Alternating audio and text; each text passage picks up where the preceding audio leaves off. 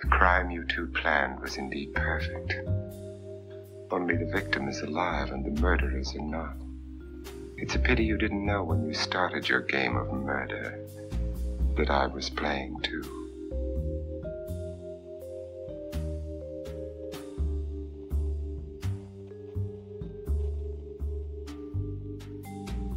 Stany Zjednoczone, rok 1974. Rok, w którym amerykańskie wojska wciąż walczą w Wietnamie, a to wszystko przy głośnym akompaniamencie krzyków wielu przeciwników. Rok, w którym wszyscy żyją aferą Watergate, w której centrum znajdzie się prezydent Richard Nixon. I w końcu to też ostatni rok rządzenia Richarda Nixona przed jego ustąpieniem. Jeśli miałabym określić rok 1974 jednym zdaniem, śmiało nazwałabym go rokiem, w którym znaczna część Amerykanów przestaje ufać władzy. Na ekranach kin ogląda się drugą część Ojca Chrzestnego i Chinatown Romana Polańskiego, a listy radiowych przebojów podbija Barbara Streisand. W tym roku Stephen King wydaje swoją pierwszą książkę. Płaca minimalna wynosi 2 dolary na godzinę, a Randolph Upperson Hearst dowiaduje się, że jego 19-letnia córka została porwana we własnym mieszkaniu. Ale to dopiero początek jednej z najbardziej szokujących spraw kryminalnych XX wieku. To będzie opowieść o polityce, rewolucji i władzy, ale przede wszystkim o zagubionych ludziach, którzy jako narzędzie do walki o swoją ideologię wybrali przemoc. Będzie też dużo nazwisk, więc jeśli ktoś się pogubi albo będzie chciał poznać więcej szczegółów, to w opisie można znaleźć link do wersji tekstowej oraz zdjęć związanych ze sprawą. Kim więc była tytułowa Patty Hearst i czemu jej porwanie było tak szokującym wydarzeniem, o którym zaraz będzie mówił cały kraj,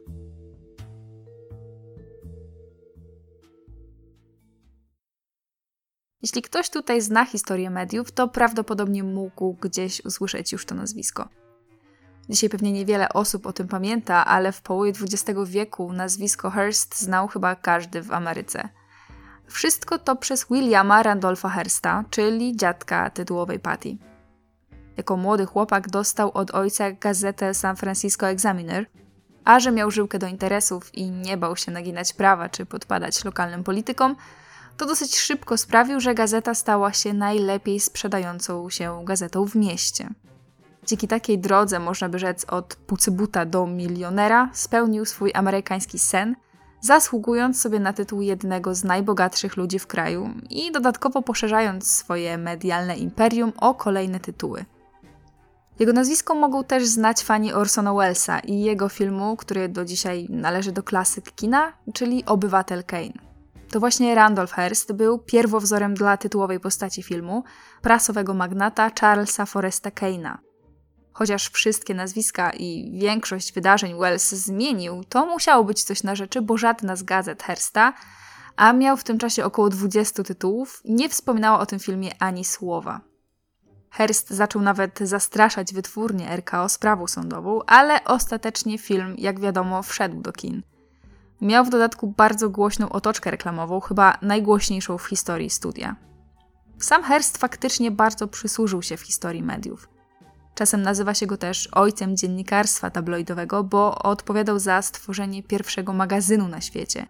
Takiego z szokującymi zdjęciami, kolorowymi rysunkami, wielkimi nagłówkami, luźną tematyką i bardzo prostym językiem, który był w stanie zrozumieć każdy czytelnik. Nazwisko Hersta znane jest też przez jego polityczne powiązania, bo nie krył się ze swoimi silnie antykomunistycznymi i silnie prawicowymi poglądami.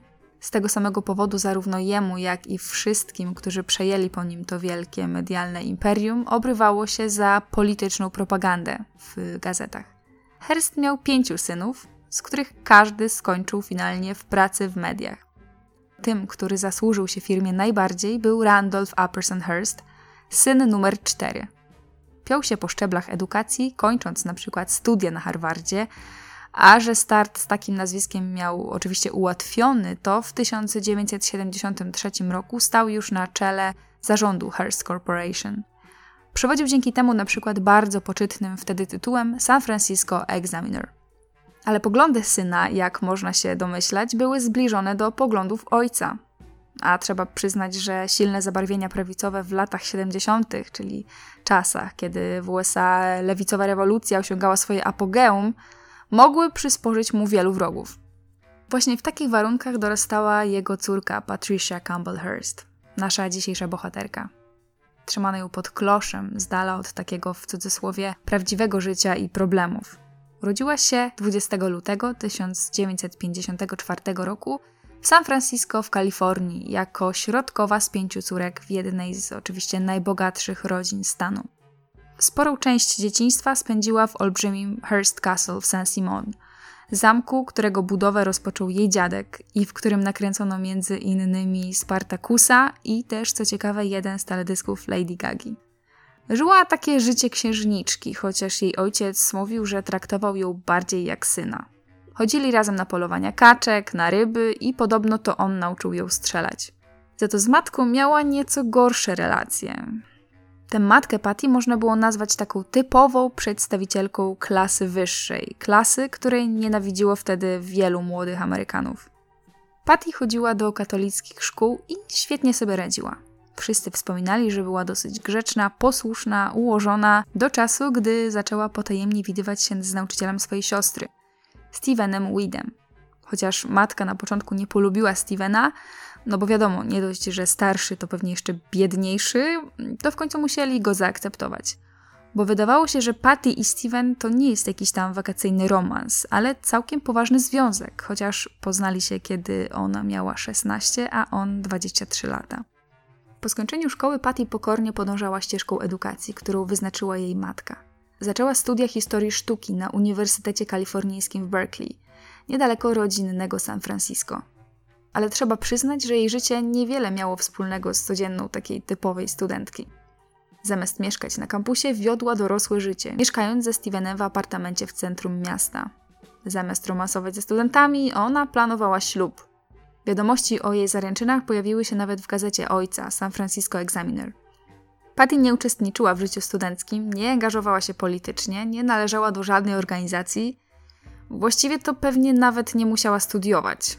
Miała pieniądze, o przyszłość raczej obawiać się nie musiała. Była taką typową, nudną wręcz można rzec, dziewczyną chowaną pod kloszem. I pewnie niewiele rozumiała z tego, co działo się wokół niej. A działo się bardzo dużo. Wśród społeczeństwa dawno nie było tak gorąco, jak w czasach jej młodzieńczych lat. Uniwersytet, na którym studiowała prawdopodobnie niczego nieświadoma Patty, zasłynął bowiem kilka lat wcześniej na całym świecie. Żeby zrozumieć kontekst dzisiejszej historii, musimy się na chwilę cofnąć o kilka lat. Do tego, jak wyglądało Berkeley w latach 60. Berkeley, czyli miasteczko pod San Francisco, było zarzewiem kontrkultury. To tam powstało na przykład pismo Berkeley Barb, klasyczne pismo hipisów łączące lokalne informacje, psychodeliczne grafiki i hasła nawiązujące do buntu. A im dalej w las, tym w Berkeley robiło się goręcej. Ta alternatywna społeczność miasteczka przybierała na sile, szczególnie wśród studentów Uniwersytetu Kalifornijskiego. Studenci protestowali publicznie przeciwko wojnie w Wietnamie i walczyli o prawa dla czarnoskórych, kobiet i najbiedniejszych klas. Młodzi ludzie chcieli rewolucji, Uważali, że jedyną szansą na zmianę społeczeństwa na lepsze i pozbycie się władzy tych najbogatszych klas będzie rewolucja zbrojna. W tamtych czasach republikański prezydent Nixon zdawał się uważać tych młodych, zbuntowanych ludzi za największego wroga kraju. Ale najgłośniejszą sprawą Berkeley była chyba walka o Park Ludowy z 1969 roku. Przedmiotem sporu był tam kawałek niezagospodarowanej ziemi, na której mieszkańcy stworzyli sobie park. A że park był blisko kampusu, to wojujący studenci stworzyli z niego idealne miejsce do swoich lewicowych demonstracji. Jednak oficjalny właściciel terenu, czyli uniwersytet, chciał przekształcić ją we własne tereny, jakieś budynki uniwersytetu. I sprawa pewnie nie skończyłaby się finalnie tak, jak się skończyła, gdyby nie Ronald Reagan, ówczesny gubernator Kalifornii i późniejszy prezydent Stanów Zjednoczonych skrytykował uniwersytet za tolerowanie tych lewicowych demonstracji na terenie kampusu i stworzył sobie z tego trzon swojej późniejszej politycznej kampanii. Pewnej nocy bez ostrzeżenia wysłał do parku patrol policji, która zniszczyła cały zielony teren. Rośliny zostały wyrwane, a cały teren został otoczony drutem kolczastym. Już następnego dnia ponad 2000 osób zebrało się na wiecu przeciwko działaniom Reagana. Większością byli oczywiście studenci. Policja zaczęła od gazu łzawiącego na kamieniach i strzelbach skończywszy. Protestujący podpalili radiowóz, na co wezwano Gwardię Narodową. W zamieszkach zginął jeden z protestujących. 25-letni student dostał od policji strzał w twarz i szyję. Reagan nazwał cały kampus Berkeley, tutaj cytuję, rajem dla komunistycznych sympatyków i dewiantów seksualnych. Kilka lat później na tym samym uniwersytecie studia rozpoczęła Patty Hearst, córka prawicowego prasowego potentata. 4 lutego 1974. Późny poniedziałkowy wieczór w centrum Berkeley. Patty spędza go z narzeczonym Stevenem we wspólnym apartamencie. Jest poniedziałek, więc ciężki studencki tydzień dopiero się zaczynał. Para właśnie skończyła kolację i miała zamiar zacząć się uczyć. Nie mogła jednak spokojnie przygotowywać się na kolejne dni na uczelni, bo ich spokój zmąciło nagłe pukanie do drzwi. W budynku nie było o tej porze ochrony, więc zaskoczony Steven idzie zobaczyć, kto to. Młoda biała kobieta, zerkająca z zawizjera, zdała się nie wzbudzić jego podejrzeń. Steven otwiera więc, ale natychmiast zostaje przez kogoś wepchnięty z powrotem do środka. Nie wiedzieć kiedy stały przed nim trzy zupełnie obce osoby. Dwóch uzbrojonych facetów, jeden biały, drugi czarnoskóry i właśnie owa kobieta, która dosyć szybko zamienia się w potwora. Przykłada broń do czoła Patty i zaciąga ją do kuchni. Dziewczyna zaczyna się szamotać, więc sprawcy rzucają ją na podłogę i wiążą jej oczy. Drugi z mężczyzn w tym czasie bije i krępuje broniącego się Stevena. Steven wspomina potem, że przez cały ten czas myślał, że to po prostu napad rabunkowy.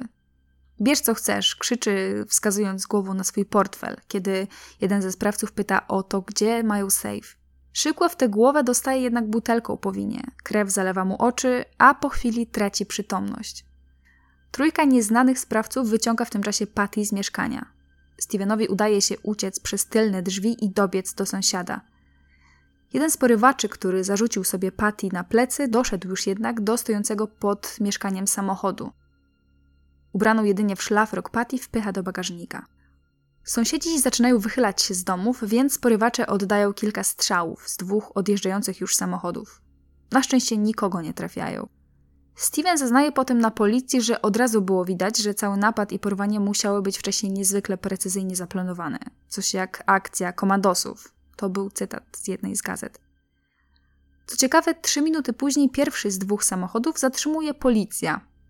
Kierowca samochodu opuszcza okna, cały zalany potem, ale okazuje się, że chodzi tylko o wyłączone światła. Udaje im się więc uciec. Przez kolejne dwa dni nikt właściwie nie wie, co stało się z Patty. Policja miała zeznanie jej chłopaka i sąsiada, ale właściwie to nic więcej. Jak można się było domyślać, nie dawało to żadnych tropów. Tym bardziej, że Patty żyła w takiej bańce. Nie miała żadnych wrogów, nie była zaangażowana politycznie ani ideologicznie. Trudno powiedzieć, komu mogłaby podpaść i kiedy, skoro swój czas dzieliła między zajęciami a narzeczonym. Jedynym tropem były więc oczywiście jej powiązania rodzinne. Już następnego dnia prasa zbiera się w posiadłości rodziny Hurstów na drogim przedmieściu San Francisco, Hillsborough. Przeprowadzają wywiad z rodzicami Patty. W gazetach w całej Ameryce pojawiają się spekulacje. Kto mógł to zrobić i kiedy będzie żądał okupu? Odpowiedź przychodzi już następnego dnia. Do stacji radiowej KPFA przychodzi listowny komunikat od porywaczy. Do porwania Patty Hearst przyznaje się grupa SLA Symbionese Liberation Army, tłumaczona po polsku na Symbiotyczną Armię Wyzwolenia. Świat poznaje więc ideę SLA z ust Randolfa, czyli ojca Patty, który czyta ten list publicznie przed kamerami. Jest tam słynny cytat, który do dzisiaj mnie trochę zmraża. Śmierć faszystowskiemu owadowi, który żaruje na życiu ludzi. Randolph czytał to oczywiście o sobie. To budzi konsternację.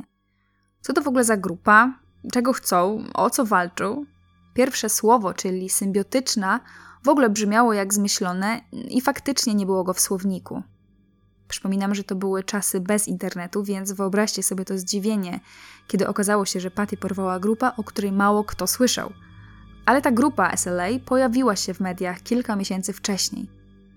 Pod koniec poprzedniego roku tajemniczo brzmiąca grupa SLA przesłała do prasy podobną notatkę co teraz. Tyle, że wtedy przyznała się nie do porwania, ale do zabójstwa. Chodziło o mężczyznę nazywającego się Marcus Foster. Foster był czarnoskórym dyrektorem jednej z okolicznych szkół. Zasłynął w telewizji dzięki swojemu programowi ochrony uczniów. Według tego programu w szkole miała być obecna policja, tyle że według SLA policja była tam nie po to, żeby te dzieci chronić, ale po to, żeby je kontrolować. Zaczaili się więc na Fostera na parkingu i zastrzelili przed jego samochodem. Po kilku dniach z dumą przysłali komunikat, przyznając się do winy. To miał być taki akt protestu przeciwko kontrolowaniu obywateli. Jakiś czas po tym zabójstwie policja przypadkiem zatrzymuje dwóch mężczyzn. Nazywają się oni Russ Little i Joe Ramiro. Znajdują przy nich nie tylko potężny arsenał broni, ale też zapiski i książki, które łączyły ich z SLA. Tyle, że wtedy dla większości mieszkańców San Francisco sprawa Fostera nie była aż tak głośna i szokująca, żeby sparaliżować całe miasto. Aż do czasu porwania Patty. Wróćmy jednak do listu dotyczącego Patty. List od SLA zawiera oficjalne przyznanie się do porwania dziewczyny i jedno żądanie. W zamian za uwolnienie Patty władza ma wypuścić z więzienia dwóch członków SLA, czyli Russa Little i Joe'a Remiro, aresztowanych za zabójstwo dyrektora Fostera. Ale niestety sam Ronald Reagan, ówczesny gubernator Kalifornii, publicznie odmawia takiej wymiany. 12 lutego, dziewiąty dzień porwania. Radio KPFA otrzymuje kolejną wiadomość od porywaczy. Tym razem jest to siedem stron listu, który prezentuje ich ideologiczne założenia i który media mają opublikować w całości, bo tak sobie porywacze zastrzegają. Do tego listu dołączone jest też nagranie z wiadomością od samej Patty.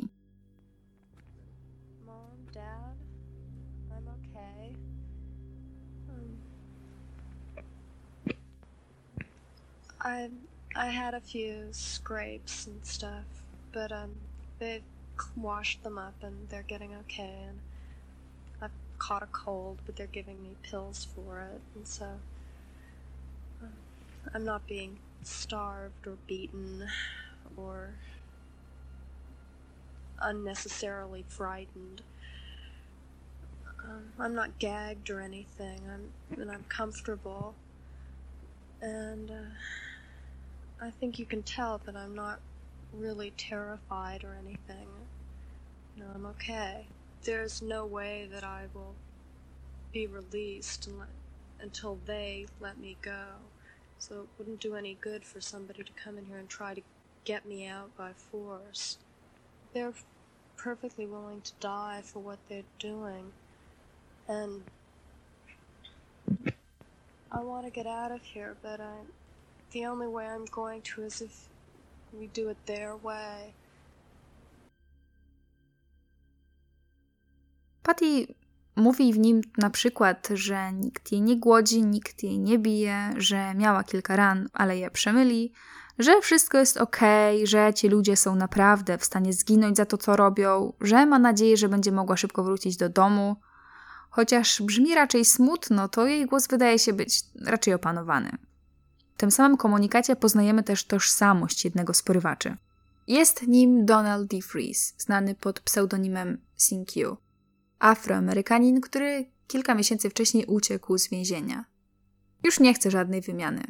Składa jednak na nagraniu żądanie, aby w zamian za uwolnienie Patty, uwaga, uwaga, rozdać jedzenie ubogim mieszkańcom Kalifornii ale nie jakieś tam jedzenie, a żywność o wartości 70 dolarów na każdą potrzebującą osobę w stanie Kalifornia.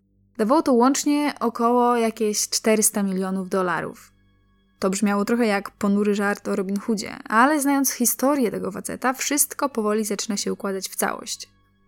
Mam nadzieję, że wybaczycie mi, że znowu cofniemy się na chwilę o kilka lat. Obiecuję, że to już ostatni raz. Poznajcie Donalda D. Freeza, pseudonim Q a raczej to, co do tej pory wiedziała o nim policja. Czarnoskóry DeFreeze urodził się w patologicznej rodzinie. Jak mówił akta, ojciec kilkukrotnie połamał mu ręce i nogi. Przez to szybko uciekł z domu i zaczął się usamodzielniać. W wieku 16 lat trafił do ulicznego gangu. a potem szybko do zakładu poprawczego. Tam, jak potem sam wspominał, znienawidził wszystko i wszystkich. W roku 64 policja zatrzymała go, gdy łapał stopa. W swojej podróżnej torbie miał bombę, karabin i gaz łzawiący. Jakoś udało mu się z tego wytłumaczyć, ale po kilku lat znowu go złapano. Znowu z bronią w plecaku. Tam został złapany i wysłany w końcu do więzienia w Vacaville. I tutaj zaczyna robić się gorąco, bo to miasto leży całkiem niedaleko od San Francisco. Otóż w więzieniu DeFreeze dołączył do Stowarzyszenia Czarnych Kultur. W końcu znalazł kogoś, kto, zdaje się, rozumiał jego problemy. To, co działo się w więzieniach, było trochę symbolem tego, co działo się w całej Ameryce. Rasizm, przemoc, znęcanie się nad biednymi ludźmi. Lewicowi radykaliści widzieli w więzieniach miejsce, w którym zaczną początek swojej rewolucji. A owa grupa więźniów, do której dołączył DeFreeze, miała z kolei kontakt z Uniwersytetem Kalifornijskim w Berkeley. Czyli koło nam się zamyka. Studenci w ramach zajęć mogli odwiedzać więzienie i pomagać więźniom. Chodzili tam trochę jako nauczyciele, ale tak naprawdę to wszystko miało silne zabarwienia polityczne. I właśnie w taki sposób DeFreeze poznał skrajne środowisko studentów uniwersytetu. Szybko przesiąkł ich ideologią i poczuł, że ci wojujący o wolność i równość każdego człowieka studenci całkiem mądrze prawią. W więzieniu DeFreeze odrzucił swoje, cudzysłowie, imię niewolnika i nazwał siebie Sinkyu. Potem przeniesiono go do innego więzienia a stamtąd już udało mu się uciec. Ale co działo się z nim od czasu tej ucieczki, tego już policja nie wiedziała. Aż do czasu porwania Patty. Tymczasem DeFreeze uciekł do Berkeley, do studentów, którzy wcześniej odwiedzali go w więzieniu. Wszystko wskazywało na to, że po ucieczce z więzienia stworzył nową grupę, dużo bardziej niebezpieczną niż studenckie demonstracje na ulicy. Słowo symbiotyczna w nazwie Symbiotyczna Armia Wyzwolenia, jak tłumaczył, pochodziła od słowa symbioza, która łączyła studentów i więźniów. Za symbol tej swojej nowej grupy SLA przyjął siedmiogłową kobrę. Każda z głów symbolizowała osobną wartość: samostanowienie, jedność, kreatywność, wspólną pracę i odpowiedzialność, wspólny cel, wiarę i wspólną produkcję. Grupa chciała dokonać rewolucji, ale z tego komunikatu, który wysłali prasie, nawet pomiędzy wierszami, trudno się dowiedzieć, jak oni tą rewolucję chcieli stworzyć i po co im była do tego Patty. Nikt nie wiedział też, ilu członków ta grupa liczy, ani gdzie jest ich w cudzysłowie siedziba. Wróćmy jednak do taśmy z nagraniem DeFreeza. We wish to express to you and to the authorities and to the public that uh, whatever happens to your daughter will be totally your responsibility and the responsibility of the authorities which you represent. Her life will be maintained in the fashion that is accorded to the terms of war. And if they and yourself violate these, her life and the blood of that will be upon your hands only. Wymaganie porywaczy było ogromne. Zupełnie tak, jakby sami nie do końca zdawali sobie sprawę z wysokości kwoty, jakiej żądają. Albo jakby wcale nie mieli zamiaru uwalniać Patty. Ojciec dziewczyny, przed którego domem prasa już praktycznie koczowała, wydał oficjalne oświadczenie. Powiedział, że po prostu nie jest w stanie zebrać tej kwoty, a maksymalnie może dać 2 miliony dolarów. Jednocześnie ubolewał nad tym, że nie może negocjować, no bo nie ma z kim i jak. 16 lutego, 12 dzień porwania. Do radia dociera druga kaseta z nagraniem od Patty.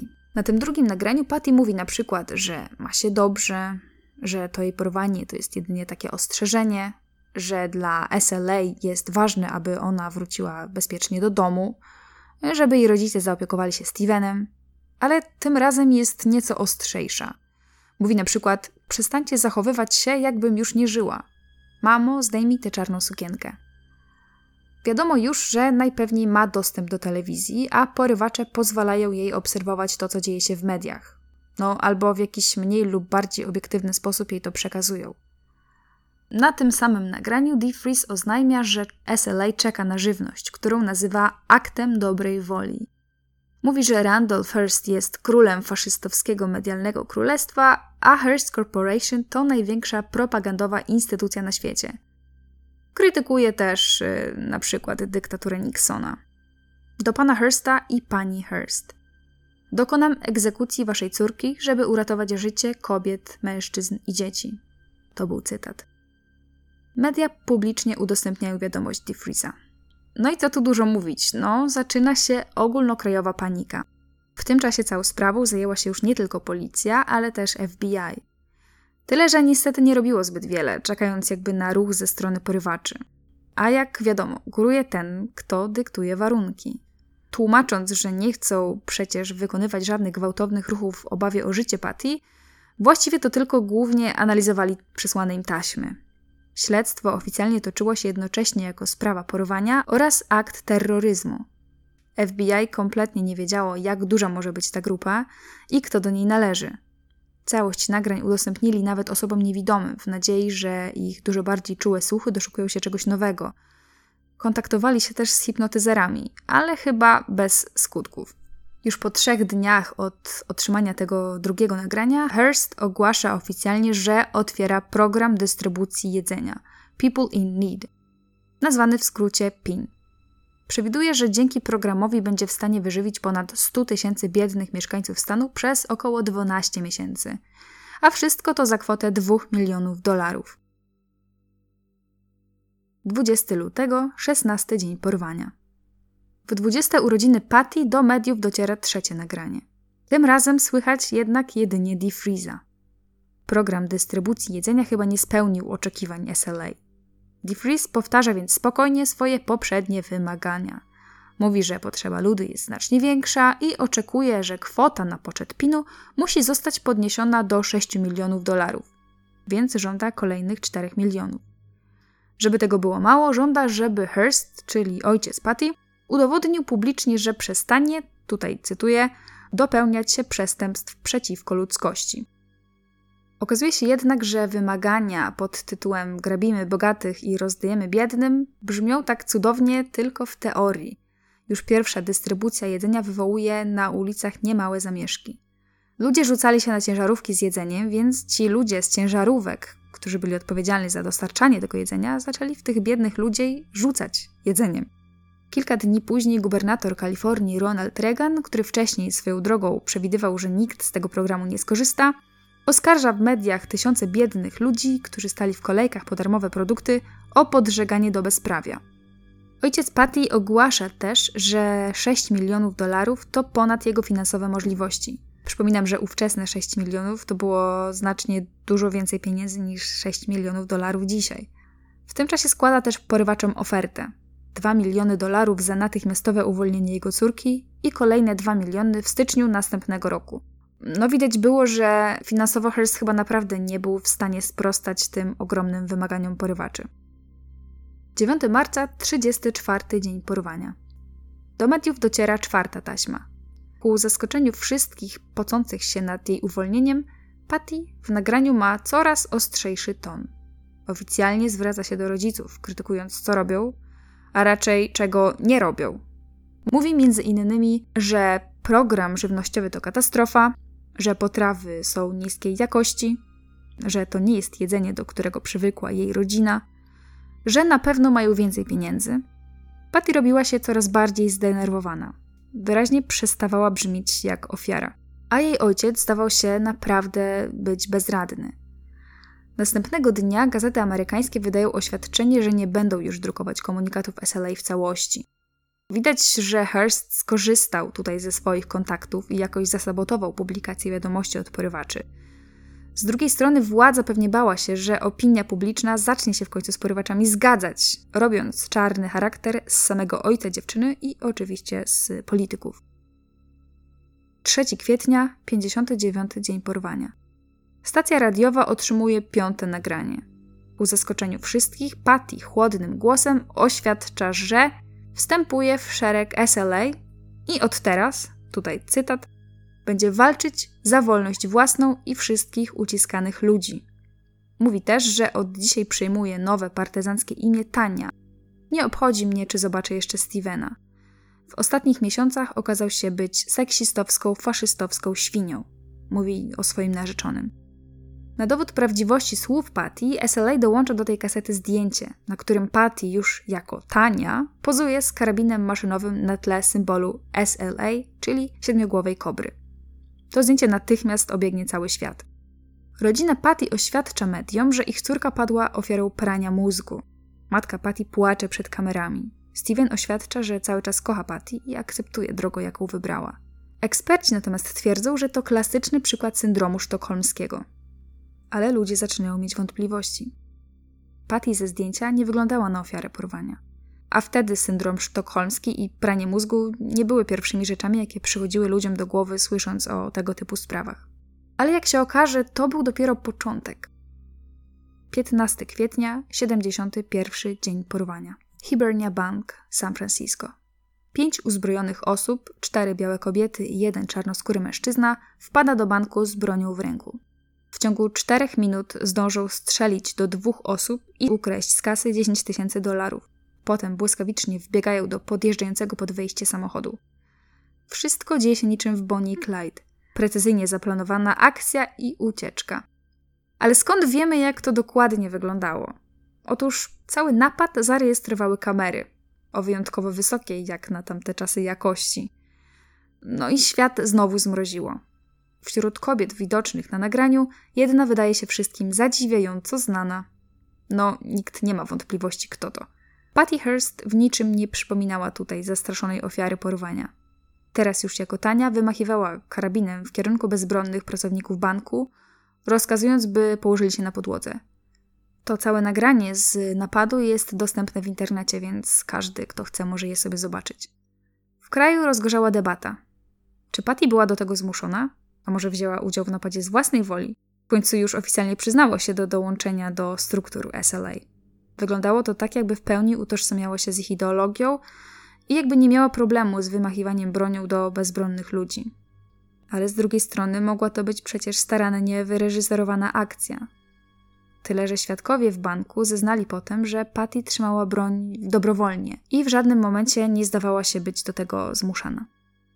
Na krótko po napadzie FBI oficjalnie ogłasza, że pięć osób rozpoznanych na nagraniu trafia na oficjalną listę osób poszukiwanych.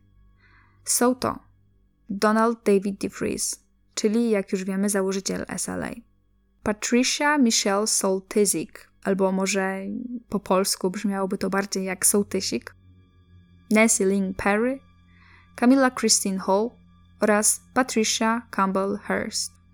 Cztery kobiety i jeden mężczyzna. O tym, kim dokładnie były te osoby, wspomnę jeszcze niedługo, no bo jak można się domyślić, jeszcze się w tej historii pojawią. 24 kwietnia, 80. dzień porwania. Radio dostaje kolejną taśmę z głosem Patty. Dziewczyna oficjalnie potwierdza już to, o co wszyscy ją podejrzewali. Mówi, że z własnej woli uczestniczyła w napadzie na bank i że w żadnym momencie nikt nie kierował w jej stronę broni. Wyśmiewa też wszystkie pomysły o tym rzekomym praniu mózgu. Cała Ameryka czeka na przełom. Patty błyskawicznie staje się takim symbolem młodych Amerykanów, którzy zamiast poddawać się ustrojowi kraju, to stawali naprzeciw niemu.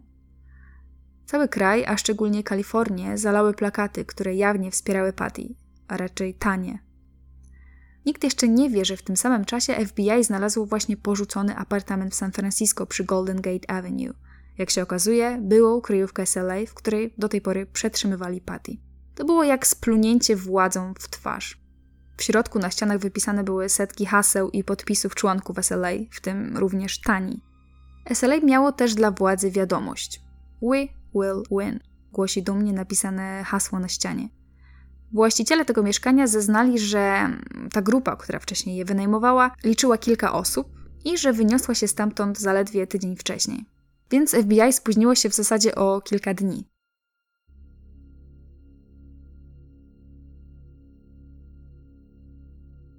Szesnasty maja, 102 dzień porwania.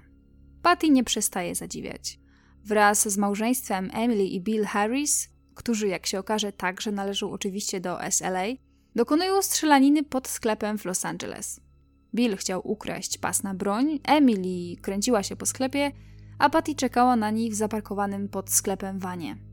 Z zewnątrz zauważa jednak, że pomiędzy Billem a właścicielem sklepu nawiązuje się jakaś szarpanina. Ewidentnie właściciel przyłapał go po prostu na gorącym uczynku. Niewiele myśląc, Patty wyciąga broń. Jakby kogoś to interesowało, to był to dokładnie karabin M1 i zaczyna strzelać na oślep do przedniej szyby sklepu. Potem sięga po kolejną broń. Łącznie oddaje około 30 strzałów. Wszystko to dzieje się na ruchliwej ulicy, a wokół chodzą ludzie. Na całe szczęście nikt nie obrywa.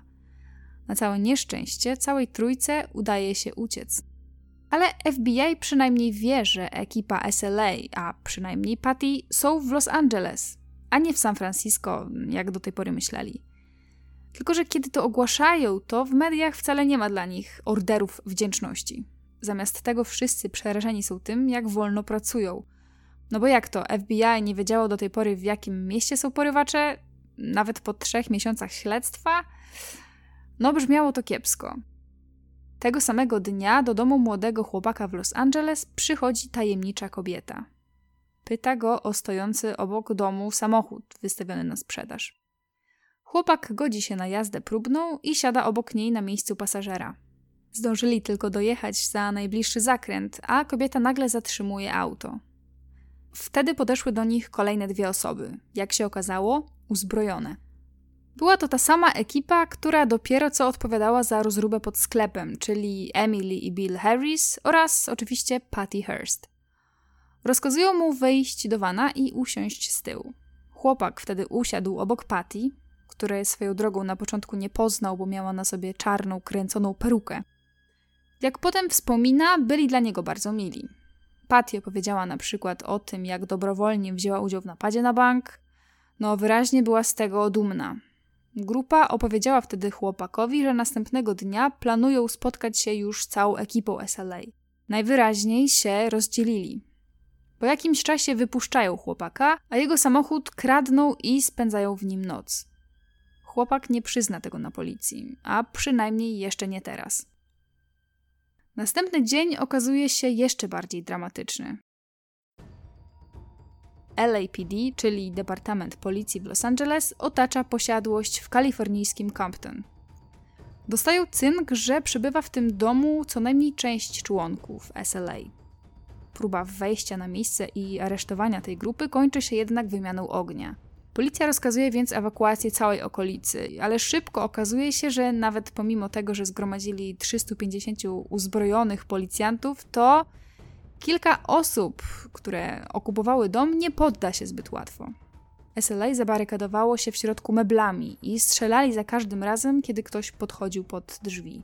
Policja zaczęła więc krzyczeć przez megafony, żeby się poddali. W tym czasie wokół zgromadziło się całkiem sporo ludzi z mediów. Wszystko relacjonowane było na żywo w kilku stacjach.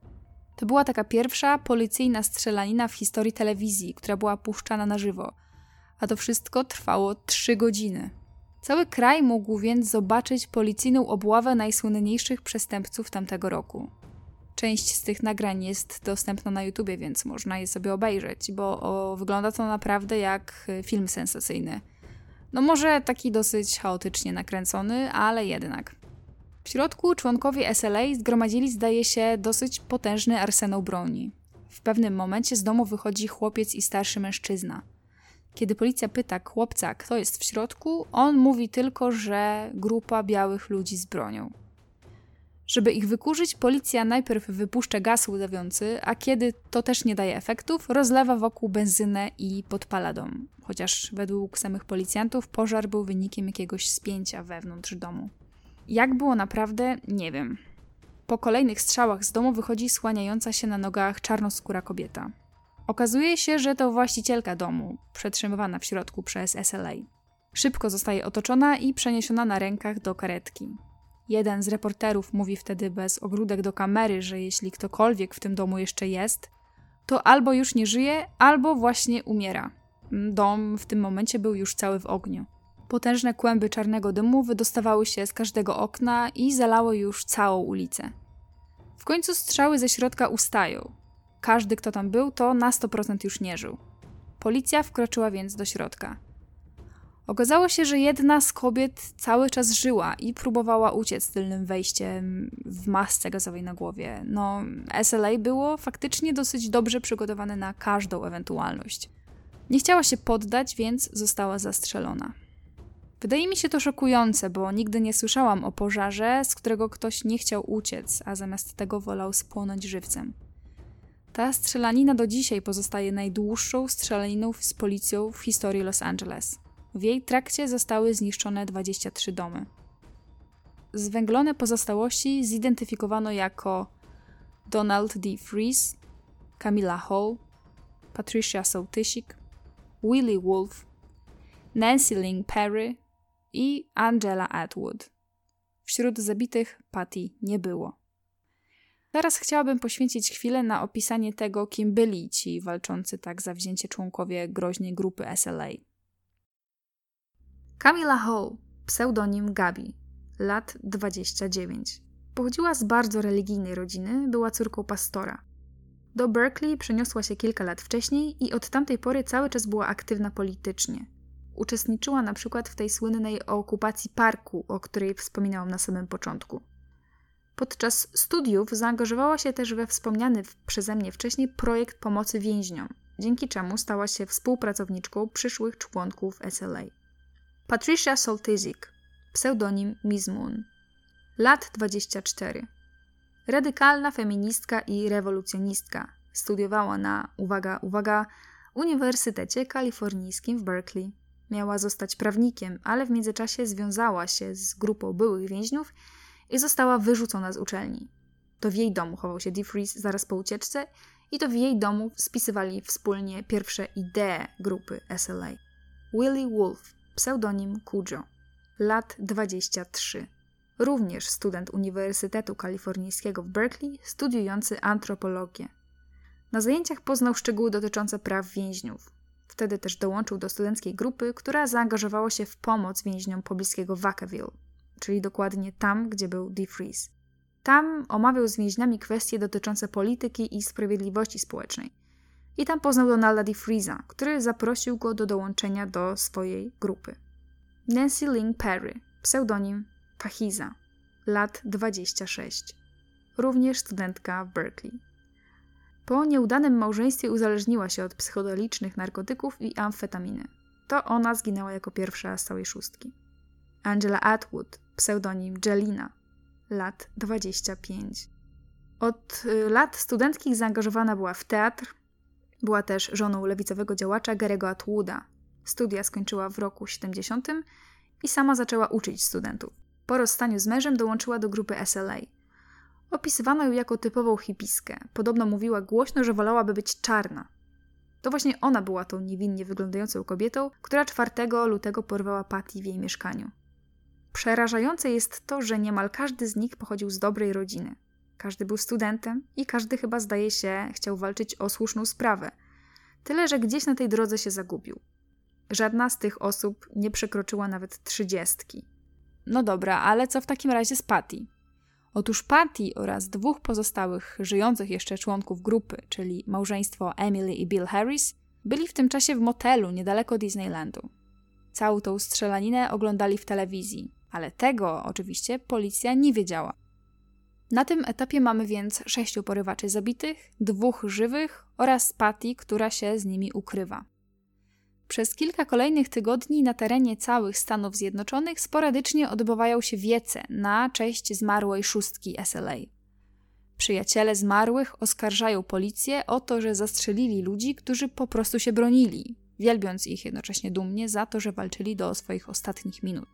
Walcząc rzecz jasna o dobrą sprawę. Krzyczą też do tej trójki, która przeżyła. Mówią na przykład: Walczcie dalej, jesteśmy z wami. Niedługo jednak okaże się, że kilku z tych demonstrantów wkrótce poszerzy ubogie dzisiaj grono SLA. 7 czerwca 124 dzień porwania. Do mediów dociera kolejna taśma z nagraną wiadomością od Patty. Swoje nagranie rozpoczyna od słów: Witajcie ludzie, tutaj Tania. Dalej mówi na przykład, że faszystowskie, świniowate media malują zniekształcony obraz tych pięknych sióstr i braci, którzy zginęli. I teraz najlepsze, tutaj cytuję. Kujo był najłagodniejszym, najpiękniejszym mężczyzną, jakiego kiedykolwiek znałam. Nauczył mnie prawdy, którą sam poznał od pięknych braci w obozach koncentracyjnych w Kalifornii.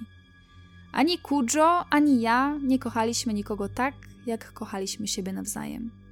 Podstawą naszych relacji było nasze zaangażowanie w walkę i nasza miłość do ludu. Zginęłam w pożarze na 54 ulicy, ale z popiołów się odrodziłam.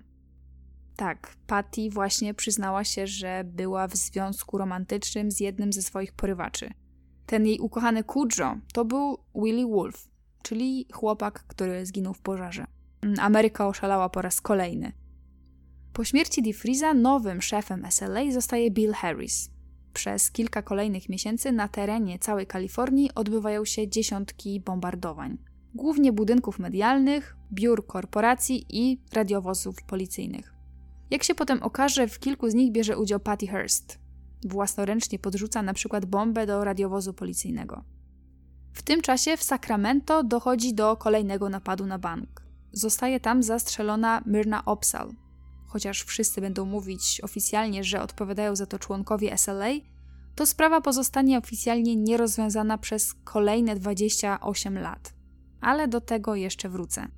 Co więcej, tak jak już wcześniej wspomniałam, grono SLA cały czas poszerza się o nowych członków, których, jak możemy się domyślać, FBI nie było w stanie zidentyfikować.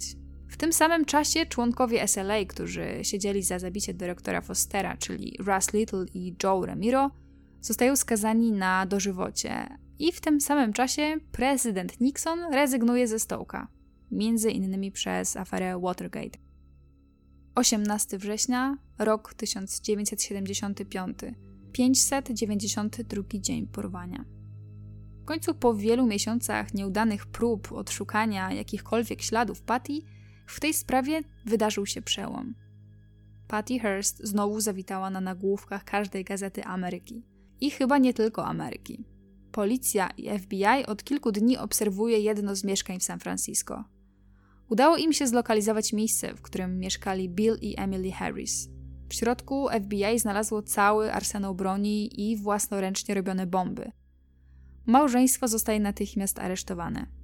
Chwilę później FBI dostaje cynk, że w innym mieszkaniu w San Francisco ktoś widział Patty Hearst. O 2.25 w końcu dochodzi do obławy obserwowanego mieszkania. Kiedy FBI wpada do środka, Patty, jak gdyby nigdy nic, siedzi przy stole z jedną z nowych członkiń SLA. Świat za chwilę zobaczy, jak Patty skuta kajdankami wychodzi z mieszkania z uśmiechem na ustach. Jej zdjęcie z rewolucyjnym gestem zaciśniętej pięści w kajdankach stanie się symbolem tej sprawy i obiegnie cały świat. Jednak pomimo uśmiechu dziewczyna nie jest w zbyt dobrym stanie. W czasie aresztowania ważyła 40 kg, a psycholog, która ją zbadała, określiła jej stan umysłowy porównując do zombie. IQ spadło jej ze 130 na 112, w pamięci miała ogromne luki, paliła jak smok, a w nocy męczyły ją koszmary. Podczas wypełnienia dokumentów w areszcie Patty, zapytana o zawód, miała powiedzieć z uśmiechem Urban Gorilla, co można przetłumaczyć jako miejska partyzantka. Miała też podobno powiedzieć do swojego prawnika, tutaj cytuję: Powiedz wszystkim, że się uśmiecham, że czuję się wolna i silna, że przesyłam pozdrowienia i miłość do wszystkich sióstr i braci. Przerażona matka Patty mówi mediom, że Patty przeszła kompletne pranie mózgu i w niczym nie przypomina jej radosnej córki sprzed porwania. Pomimo tego dramatycznego stanu uznano, że Patty może ponosić pełną odpowiedzialność za przestępcze czyny, a przynajmniej za czyn, na który mieli dowody, czyli ten pierwszy napad na bank. Winna czy niewinna, zmuszana czy nie, proces musiał się odbyć. Pierwszy proces, jak go wtedy nazwano proces stulecia, ruszył 15 stycznia 1976 roku w sądzie federalnym w San Francisco. Patty została wtedy oficjalnie oskarżona o napad rabunkowy z bronią w ręku, czyli ten, z którego istniało to sławne nagranie. Tyle, że zanim jednak na dobre rozpoczął się proces w sądzie, to Patty kompletnie zmieniła front. Pomimo tego, że setki osób wyszło wtedy na ulicę z transparentami pod tytułem Uwolnić tanie, to ona już nie była tanią. Nie była już miejską partyzantką. Reprezentował ją słynny adwokat Francis Lee Bailey, który za 20 lat będzie reprezentował też O.J. Simpsona. Tyle, że Patty, pomimo że zmieniła linię obrony, to wciąż z więzienia pisała listy miłosne do faceta o nazwisku Solia. Jak się miało okazać, także członka SLA, z którym także była w romantycznym związku. Tak, Patty była w związku z kolejnym członkiem grupy porywaczy, kiedy ten poprzedni, czyli Wolf, spłonął w pożarze w domu. Chciałabym utrzymać tę wojnę dla rewolucji, pisze między innymi w liście do niego. Linią obrony było oczywiście pranie mózgu, czyli wszystko, co zrobiła dziewczyna po porwaniu, robiła w strachu o własne życie. Adwokat tłumaczył, że cierpiała na syndrom sztokholmski. W przypadku Patty miało dojść tutaj do ekstremum tego syndromu. Doszło do tego, że Patty odmówiła na początku składania zeznań, które obciążałyby Harrisów. Na świadków powołano psychiatrów, którzy mieli udowodnić, że jest w bardzo ciężkim stanie psychicznym. Na pierwszą rozprawę weszła do sądu ubrana schludnie, w nowej fryzurze i z pomalowanymi paznokciami. Jej prawnik zaczął od odczytania ławie przysięgłych listu od Patty. Opowiedziała w nim wszystko, co według niej wydarzyło się od czasu porwania. Twierdziła, że na krótko po porwaniu porywacze przetrzymywali ją w ciasnym pomieszczeniu z zasłoniętymi oczami. Wypuścili ją co prawda po kilku tygodniach, ale pozwalali jedynie chodzić po mieszkaniu. W międzyczasie mieli też rzekomo podawać jej końskie dawki LSD. Wszystkie nagrania od Patty do prasy pisała wcześniej jedna z porywaczek, a Patty tylko je odczytywała. Podobnie miało być zresztą z tym słynnym zdjęciem z karabinem, do którego zapozowania rzekomo też była zmuszona. W końcu Patty stanęła na stędzie dla świadka. Zeznała na przykład, że nie była w związku z Wolfem, a wręcz przeciwnie. On i inni męscy członkowie grupy często ją gwałcili. Podobno była też bita. Twierdziła, że w trakcie napadu na bank siłą rozkazali jej wziąć udział i nakazali stać z bronią i celować do ludzi. Po wszystkim zastraszyli, że teraz już jest kryminalistką, więc nie ma odwrotu, a FBI ją zabije, jak tylko trafią na ich ślad. Podobno też Dee studiował północno-koreańską literaturę i uczył się, jak robić pranie mózgu. A przynajmniej tak zeznała Patty. W toku rozprawy Patty wyznała też dużo więcej sekretów SLA. Ponoć wszyscy członkowie grupy byli tak wierni Dee Friesowi, bo sami marzyli o tym, żeby być czarni i żeby mogli walczyć o swoje prawa.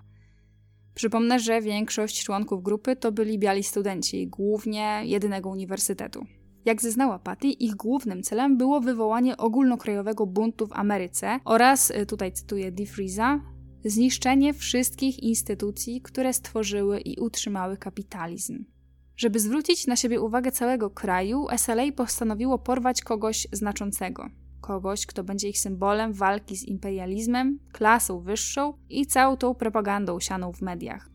Codziennie przeglądali więc sobie gazety, poszukując jakiejś idealnej ofiary, a kiedy w San Francisco Examiner znaleźli wzmiankę o zaręczynach córki słynnego Hersta, no to wiedzieli, że mają już swój cel. Młoda, naiwna córeczka bogatego tatusia, który reprezentuje całą tą medialną propagandę, no idealny target. Co najlepsze, okazało się, że jakiś czas przed porwaniem Patty, podkreślam przed porwaniem, policja trafiła na porzuconą kryjówkę SLA. Znaleźli tam m.in. notes z listą nazwisk potencjalnych osób, które mogą porwać. No, zbyt dyskretni to oni nie byli. Oczywiście na tej liście była też Patricia Hearst. Tyle, że policja nikogo nie ostrzegła, że taka lista w ogóle znalazła się w ich rękach. I jak się okazuje, można było tego wszystkiego uniknąć. Adwokat dostarczył też do sądu zdjęcia, które wyraźnie wskazywały, że członkowie SLA celowali w Patty bronią przez czas trwania słynnego napadu na bank. Tłumaczył też, że w przypadku tej strzelaniny pod sklepem Patty została wcześniej dokładnie poinstruowana, jak ma się zachowywać w awaryjnych sytuacjach. No i tak też zrobiła. Tyle, że nie wszyscy w to uwierzyli. Prokurator zaczął wypytywać szczegółowo zajmujących się sprawą psychiatrów. Zasugerował też, że członkinie grupy, a przecież SLA składało się w zasadzie przede wszystkim z kobiet, były feministkami, więc na pewno nie pozwoliłyby nikomu gwałcić Patty ale to akurat mi wydaje się dosyć okrutnie niesprawiedliwym argumentem. Na niekorzyść dziewczyny działało też jej dziwaczne zachowanie w sądzie. Patty była wyraźnie ospała, co część ludzi krytykowało, a część przypisywało podawanym w areszcie lekom. Powiedziała też na przykład, że przed porwaniem planowała odejść od swojego narzeczonego i że miała wtedy myśli samobójcze. Ale pomiędzy rozprawami wydarzyło się coś jeszcze lepszego – po tym, jak Patty zeznała, że Wolf ją gwałcił, Emil i Bill Harrisowie udzielili z więzienia wywiadu. Emily w tym wywiadzie zeznała, że Patty na szyi nosiła wisiorek, podarowany jej przez Wolfa na taki dowód miłości. A to przecież świadczyło o tym, że była z nim w romantycznym związku, a nie ofiarą gwałtu. Policja zaczęła to badać i faktycznie okazało się, że ten wisiorek spoczywał na szyi Willego w momencie, kiedy spłonął w pożarze. Potem przeanalizowali dostępne materiały, na których było widać Patty. No i to było jasne, że ten wisiorek, który miał na szyi Wolf, to był ten sam wisiorek, który miała na szyi Patty w chwili tego napadu na bank. Patty odpowiedziała tylko, że myślała, że to był, tutaj cytuję, przedkolumbijski artefakt o znaczeniu archeologicznym. Muszę przyznać, że ja to średnio kupuję. Z kolei dla wielu osób to był mocny dowód na to, że Patty kłamała, a przynajmniej w sprawie gwałtu. Ten wisiorek będzie jednym z najważniejszych dowodów w tej sprawie. Patty pogrążyła się na dobre, kiedy zaczął ją przesłuchiwać prokurator. Dostała serię pytań dotyczących tego, co działo się po porwaniu, na przykład o ten drugi napad na bank, w którym zginęła Myrna Opsal. Patty powołała się na piątką poprawkę 42 razy. 42 razy odmawiała odpowiedzi na pytanie prokuratora. No nie trzeba być znawcą, żeby się domyśleć, że stawiają ją to w dosyć kiepskim świetle. Wszystko to przecież obserwowała ława przysięgłych, która miała podjąć werdykt w jej sprawie. Wyrok ogłoszono po 39 dniach procesu i 12 godzinach obrad ławy przysięgłych. Sędzia orzekł, że nagrania i pisemne oświadczenia wydane przez Patty po napadzie wskazują wyraźnie, że była wtedy dobrowolnym członkiem grupy przestępczej. Nie uznano na przykład y, za dowód zeznań ekspertów, którzy mówili, że analiza stylistyczna wskazała, że przesyłane przez porywaczy wypowiedzi nie zostały napisane przez Patty, ale dopuścił z kolei jako dowód nagranie z więzienia, na którym Patty odwiedził jej znajomy. I na tym nagraniu Patty używała wtedy wobec policji przekleństw i wcale nie zaprzeczała swoim radykalnym poglądom. W marcu 1976 roku Patricia Hearst została tym samym uznaną za winną i skazana na maksymalną karę 35 lat pozbawienia wolności za napad na bank z bronią w ręku. No, świat był zszokowany. Nikt nie spodziewał się chyba, że ktoś pochodzący z tak sławnej i bogatej rodziny faktycznie zostanie skazany i faktycznie trafi do więzienia. Sędzia skrócił jej wyrok jednak ostatecznie do 7 lat. Wśród zszokowanej opinii publicznej pojawiały się głosy, że Patty jest ofiarą swoich czasów. Sprawa nieźle podzieliła Amerykę. Jedni wierzyli, inni całkowicie nie. W więzieniu Patty spędziło jednak tylko kilka miesięcy. W oczekiwaniu na proces apelacyjny, no bo Herstowie domagali się oczywiście apelacji, Patty została zwolniona za kaucją wynoszącą milion dolarów. Jedynym warunkiem miało być to, że spędzi ten czas w domu pod ścisłym nadzorem. I spędziła. Tyle, że w międzyczasie yy, nawiązała romans ze swoim ochroniarzem, facetem, który miał żonę i dzieci. W marcu zaczął się kolejny proces, tym razem za strzelaninę pod sklepem. Tutaj też było dużo dowodów na to, że Patty uczestniczyła w tej strzelaninie. Bill i Emily Harris, którzy przecież też brali w niej udział, zostali skazani na 6 lat więzienia. Patty dostała 5 lat w zawieszeniu czyli takie klasowe przywileje bogatych, to z czym tak chciała walczyć jako Tania, ochroniły ją tutaj przed więzieniem. Z kolei za porwanie Patty, Emily i Bill Harris dostali kolejne 11 lat więzienia. Kaucja Patty Hearst została uchylona w maju 1978 roku, kiedy apelacje się nie udały, a Sąd Najwyższy odmówił rozpatrzenia jej sprawy. Patty znowu trafiła więc do więzienia. Jej ojciec wtedy podał do sądu prawnika za nieskuteczną obronę. W więzieniu zajmowała swój czas głównie chęcią zmiany swojego wizerunku. Udzielała dużo wywiadów do prasy. Chciała przeprosin od prezydenta Cartera. Jej rodzina zorganizowała nawet kampanię o nazwie Free Patty Hearst, która walczyła o to, żeby Patty dostała ułaskawienie prezydenta. Zupełnie przypadkiem przełomem w sprawie Patty okazała się sprawa Jonestown, gdzie tysiące ludzi popełniło masowe samobójstwo za namową jednego charyzmatycznego lidera. Wykorzystano to wszystko w sprawie Patty. W końcu ona też była poddana praniu mózgu przez charyzmatycznego DeFreeza. To by się też zgadzało z tym, co zeznała wcześniej w sądzie, mówiąc o tym, że DeFreeze ponoć studiował północno-koreańską literaturę. Co ciekawe, ta linia obrony się udała. W 1979 roku prezydent Carter złagodził jej wyrok do dwóch lat, więc Patty była już ostatecznie wolna, bo tę karę już odbyła. Kiedy wróciła do domu, jej rodzice byli już w separacji. Stałam się silniejsza i dużo bardziej pewna siebie. Jak na kogoś w moim wieku przeszłam wiele. Mówiła wtedy reporterom pod domem ojca. Tego dnia miała na sobie koszulkę z napisem Pardon me, wybaczcie mi. Dwa miesiące później poślubiła swojego ochroniarza, który porzucił dla niej żonę i dzieci. Myślicie, że to już koniec tej historii? Eee, to jeszcze nie koniec sensacyjnych zwrotów akcji. Otóż, kiedy ojciec Willego Wolfa, czyli tego chłopaka, z którym Patty była rzekomo w związku, kiedy on dowiedział się, że jego syn był tak bezpośrednio związany z SLA, to zatrudnił prywatnego detektywa, który miał tę sprawę zbadać. Jeszcze przed śmiercią chłopaka, a dokładnie 13 dni przed jego śmiercią, detektyw zakończył swoje śledztwo i złożył oficjalne oświadczenie przed przysięgą. Przedstawił swojemu klientowi 400 stron swoich e, szalonych odkryć. Oto, co można się z tego dowiedzieć, ale podkreślam, że to są tylko teorie. Patricia Hearst rzekomo miała odmienne poglądy polityczne niż jej rodzice. Jej związek z Wolfem rozpoczął się nie po porwaniu, ale już w trakcie trwania jej związku z narzeczonym. Jej matka podobno poddała ją ekstremalnej presji, żeby zmienić jej poglądy i zmusić do zamąż pójścia. Trzymajcie się mocno, bo to nie koniec rewelacji. Rok przed porwaniem Patty odwiedziła podobno, podkreślam podobno, w więzieniu Donalda DeFreeza, który miał przecież potem zostać założycielem SLA i miał potem ją porwać. Co więcej, 14 maja 1974 roku New York Times opublikował prawdziwą rzekomą historię DeFreeza.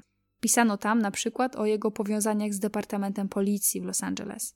Według autorów istniały solidne dowody na to, że Donald DeFreeze, założyciel SLA, był policyjnym informatorem. Ale ta publikacja zbiegła się z tym feralnym wydarzeniem, w którym sześciu członków SLA, w tym DeFreeze, zginęło w strzelaninie. Opis tych wszystkich powiązań został potem opublikowany w książce detektywa.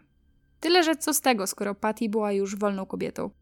Pozostała poza świecznikiem mediów aż do czasu wydania swojej autobiografii w 1982 roku Every Secret Thing. A co tam było? No, na przykład przyznanie się do kolejnych napadów na banki, o których wcześniej nikt wcale jej nie oskarżał. Przyznała się tam na przykład do udziału w napadzie na bank, w którym zginęła Myrna Opsal.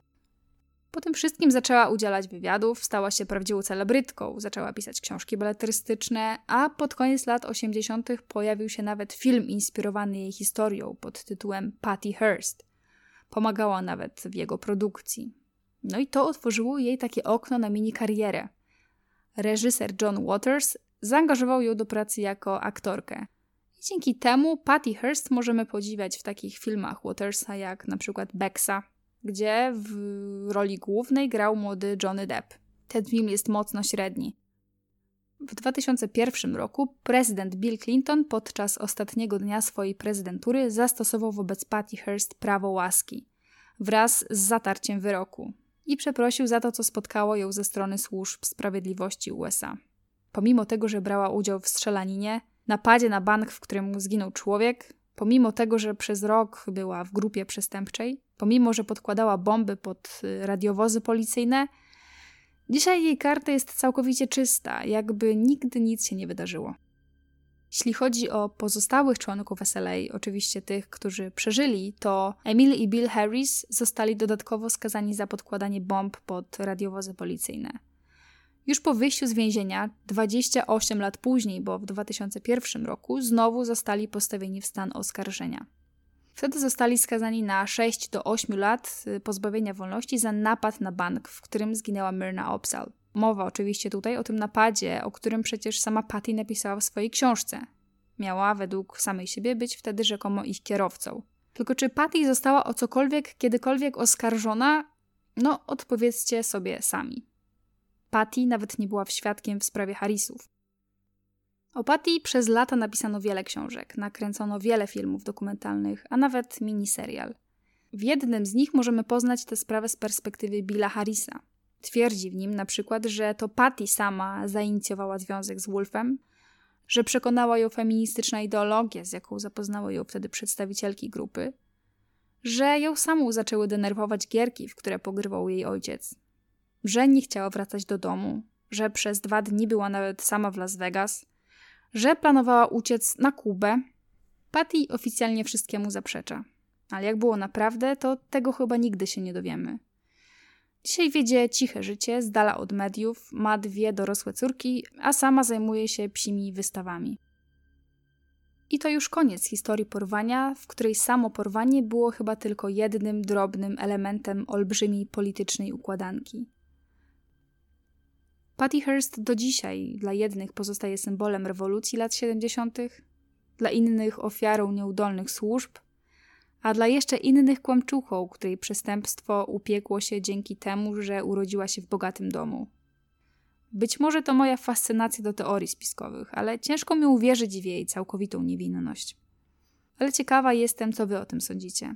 Ofiara czy przestępca? Zdjęcia z tej sprawy, tak jak poprzednio, znajdziecie w linku w opisie. Dzięki.